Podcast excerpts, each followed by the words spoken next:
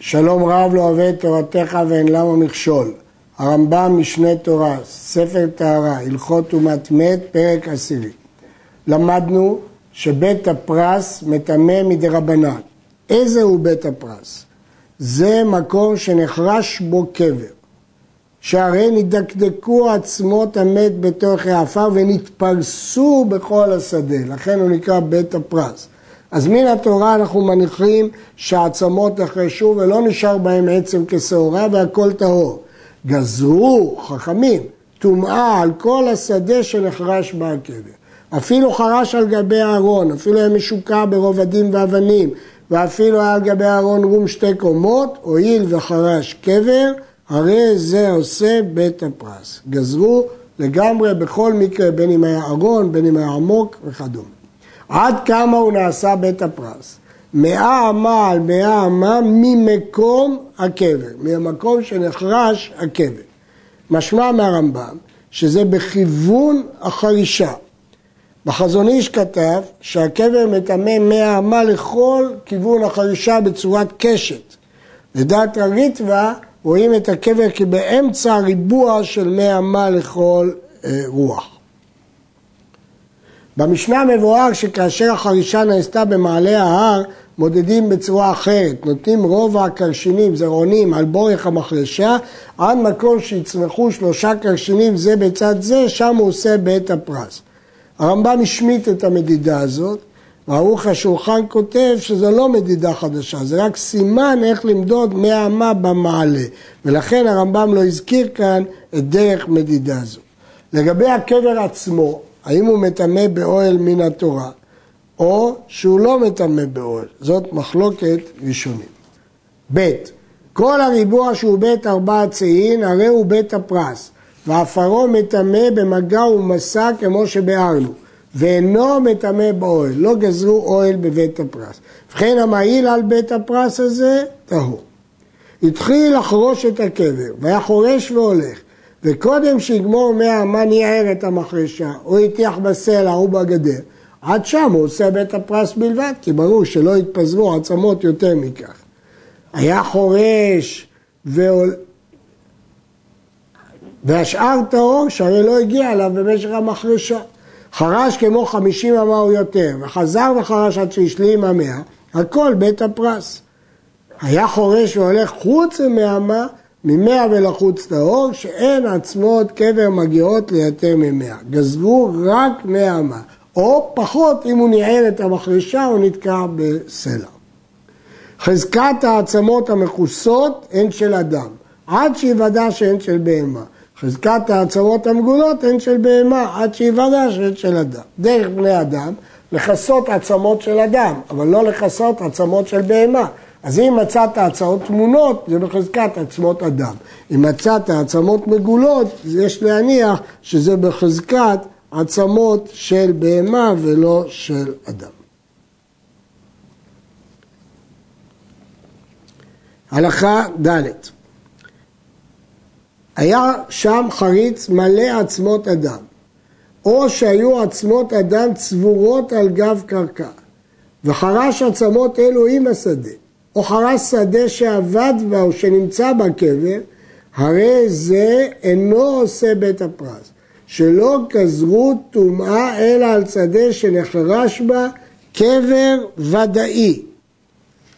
אם היה חריץ מלא עצמות אדם, או שנמצא בקבר לאחר שחרשוה, וייתכן שהיה שם קבר אחר, לא עושה בית הפרס, אלא על שדה שנחרש. הנימוק הזה של הרמב"ם הוא רק נימוק לדין האחרון, הטעם של שדה שאבד בקבר. אז לא גזרו עליה כי לא חרשו קבר, אבל מה הטעם לחריץ או לעצמות אדם צבורות, את זה נראה בהמשך.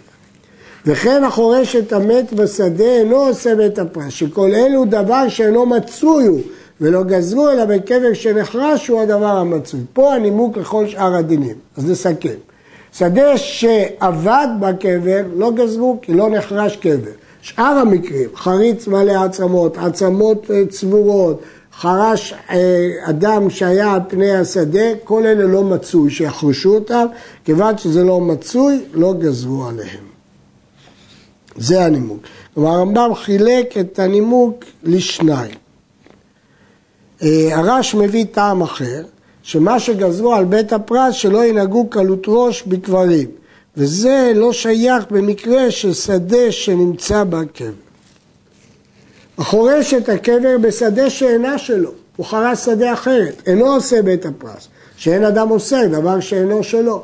אפילו שותף או אריס או אפוטרופוס אינו עושה בית הפרס, רק בעל הבית עושה בית הפרס, ואדם לא יכול לאסור דבר של השני. ואף על פי שיש מקרים שאם אדם זורק חלב לקדירת חברו אוסר אותה, זה דווקא באיסור תורה, אבל באיסור רבנן ודאי שאין אדם אוסר דבר שאינו שלו.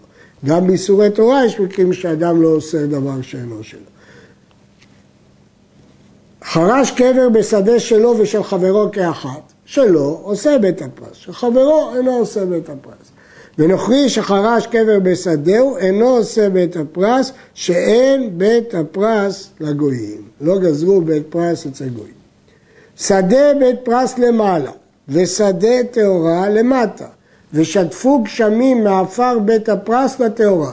אפילו הייתה אדומה בהלבינה או לבנה והדימה, טהורה. זה לשון המשנה. כלומר, ברור ששטפו עפר, גשמים שטפו אדמה או עפר מהשדה בית הפרט, כי עובדה שהטהורה הייתה לבנה, פתאום נהייתה אדומה, או אדומה פתאום נהייתה לבנה. בכל אופן, לא גזרו. למה? שאין בית הפרס עושה בית הפרס. זה לא גזרו טומאה, אלא על גוש כבריאתו. לא על גוש שעבר לשדה אחר. בית הפרס הזה כלומר בית הפרס שנחרש בו קבר, לא שאבד בו קבר.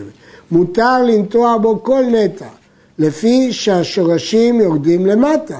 ולמטה משלושה בבית הפרס טהור, שהרי הקבר נפרס על פני השדה. זה לא כמו שדה שאבד בו קבר ששם אסר לו לנטוע כי השורשים מעמיקים. פה להפך, כיוון שהשורשים מעמיקים, ברור שאין עצמות בעומק, כי חרשו, המחרשה פיזרה את העצמות למטה, למעלה. אבל אין זורעים בתוכה אלא זרע הנקצר, למה? כי אם תזרע יש שורשים קטנים, הם ייפגשו בעצמות. אם זרע ועקר צובר גורנו בתוכו, וחובר את התבואה בשתי קברות וקטניות בשלוש קברות, שמא יש בהם עצם כשעורה. אז אם הוא זרע, יכול לקצור, אז אין בעיה, אבל אם הוא עוקר, אולי הוא לקח עצמות, אז צריך את כל התבואה הזאת להכניס לקברות לחפש אם יש עצם כשעורה. ושורף את הקש ואת העצה שם, גזירה שבע יש בהם עצם כשעורה, ואם תתיר לו בהניה, מוציאו ומוכרו, ונמצא מרגיל את התרומה, ולכן הצריכו אותו לחבור את זה, לחפש, שמא יש שם עצם כשעורה. למה בקטניות אה, רצינו שלוש קברות? כי האפר של קטניות עבה יותר וצריך יותר סינון. שורף את הקש, זה התבן של התבואה. העצה זה התבן של הקטנית, אולי יהיה שם עצם כשעורה. שדה שהוחזקה שהיא בית הפרס, אפילו בבית ארבעת קורים, ואפילו משוחה ממקום מתית הרך שאינו נחרש ולא נעשה בית הפרס, ואפילו טהורה מקפת אותה מארבע רוחותיה, הרי היא בחזקתה. אם החזיקו שדה כבית הפרס, למרות שבדרך כלל בית הפרס הוא רק ארבעה צעים, ופה זה פי כמה זה ארבעת כורים, שאה היא רק אחד משלושים בכור, פה זה פי המון, אז מה פתאום זה בית הפרס? אמרו הנכים שהיו שם כמה קברות שנחרשו, עובדה שהוחזקה כבית הפרס, ואפילו עם שדות טהורות מקיפות אותה, לא נגיד שבטח בדקו אותה, אלא השדה בחזקתה, ואפילו אם משוחה ממקום עתית הרך שלא נחרש, שלא נעשה בית הפרס, גם כן כיוון שהיא בחזקתה, דנים אותה כשדה הפרס. מצא שדה מצוינת ואין ידוע מה טיבה. לא יודעים אם זה שדה שנחרש בקבר, שדה שעבד בקבר. אם יש בה אילן, בידוע שנחרש קבר בתוכה, כי ראינו ששדה שנחרש נוטעים באילנות. אין בה אילן, בידוע שעבד קבר בתוכה, כי למדנו ששדה שעבד הקבר בתוכה אסור לנטוע באילנות, כמו שבארץ. והוא שיהיה באותו מקום זקן או תלמיד חכמים, שאין כל אדם בקיאים בכך ויודעים שמותר לנטוע בזו ואסור לנטוע באחר. אולי זה עמי הארץ שלא ידעו את ההלכה, איך אני יכול לסמוך על זה? אבל אם יש שם אנשים שיודעים הלכות, אז ברור שאם זה שדה אילן, אז הם יודעים שזה שדה שנחרש קבר, ואם אין אילנות זה שדה שאבד קבר. הרייבד מפרש אחרת, שאם יהיה זקן או תלמיד חכם, הוא יודע שהם עקרו את האילנות שנטעו בשדה שעבד בקבר.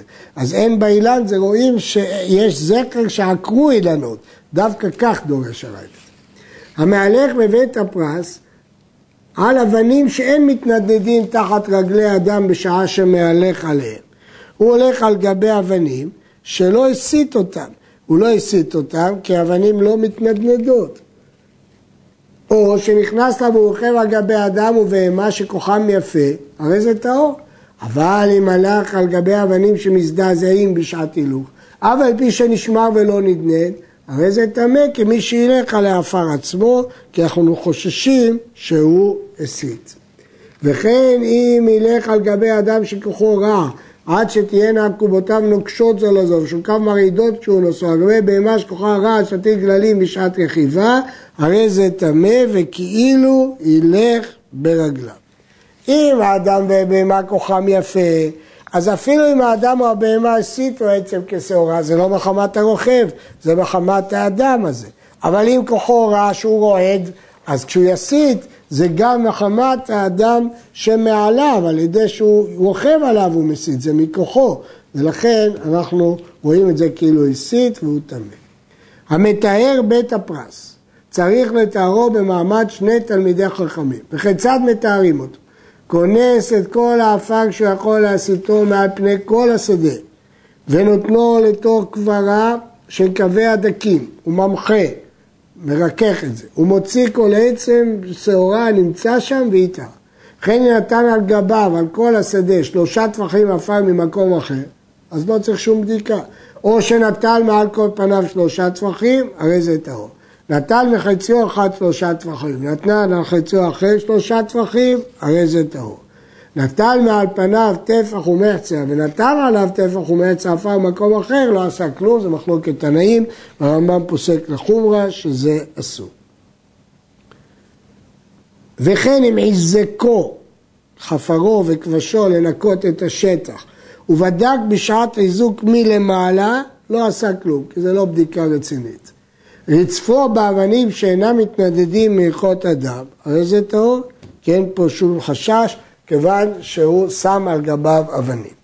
הרמב"ם מלכות קורבן פסח כותב, מי שבא בבית הפרס מנפח והולך, ואם לא מצא עצם ולא נטמע, שוחט ואוכל פיסו, אף על פי שהולך בבית הפרס. שטומאת בית הפרס מדבריהם, ולא העמידו דבריהם במקום כרת. עד כאן.